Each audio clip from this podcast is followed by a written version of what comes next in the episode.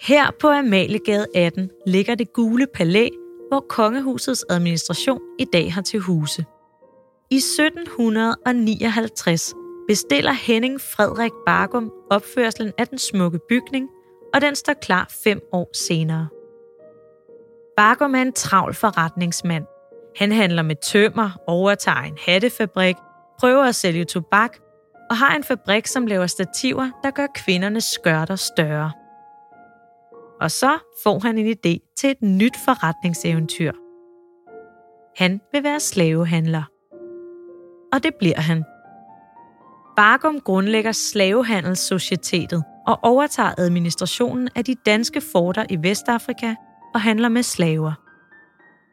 Det smukke gule palæ foran os er hovedkontoret, hvorfra han styrer sine store forretninger i Afrika. Men Bargum får kun små 10 år i sit flotte palæ. Den 2. april 1774 sætter han sin sidste underskrift på et mødereferat på et direktionsmøde. Og så forlader han landet. Hans forretning er gået for lidt, og han flygter ud af Danmark, inden folk opdager, at pengene er væk.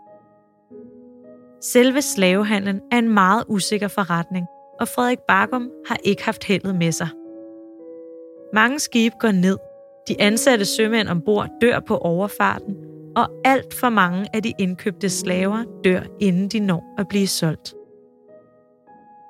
Og Bargum er ikke den eneste, der har problemer med slavehandlen. For der er nemlig flere og flere i Danmark, der begynder at tale om at stoppe slavehandlen i Afrika. Men hvordan skal kolonierne klare sig uden slaver?